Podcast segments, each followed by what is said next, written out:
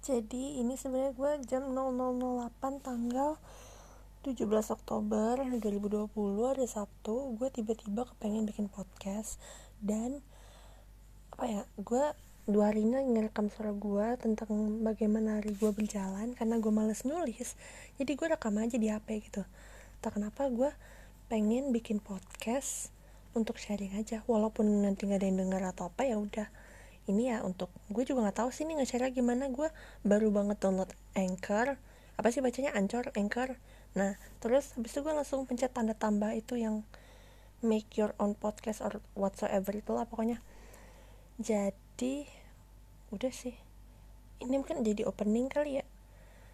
Uh, I'm not gonna share my podcast anywhere kayaknya. Jadi ya udahlah bagi yang menemukan welcome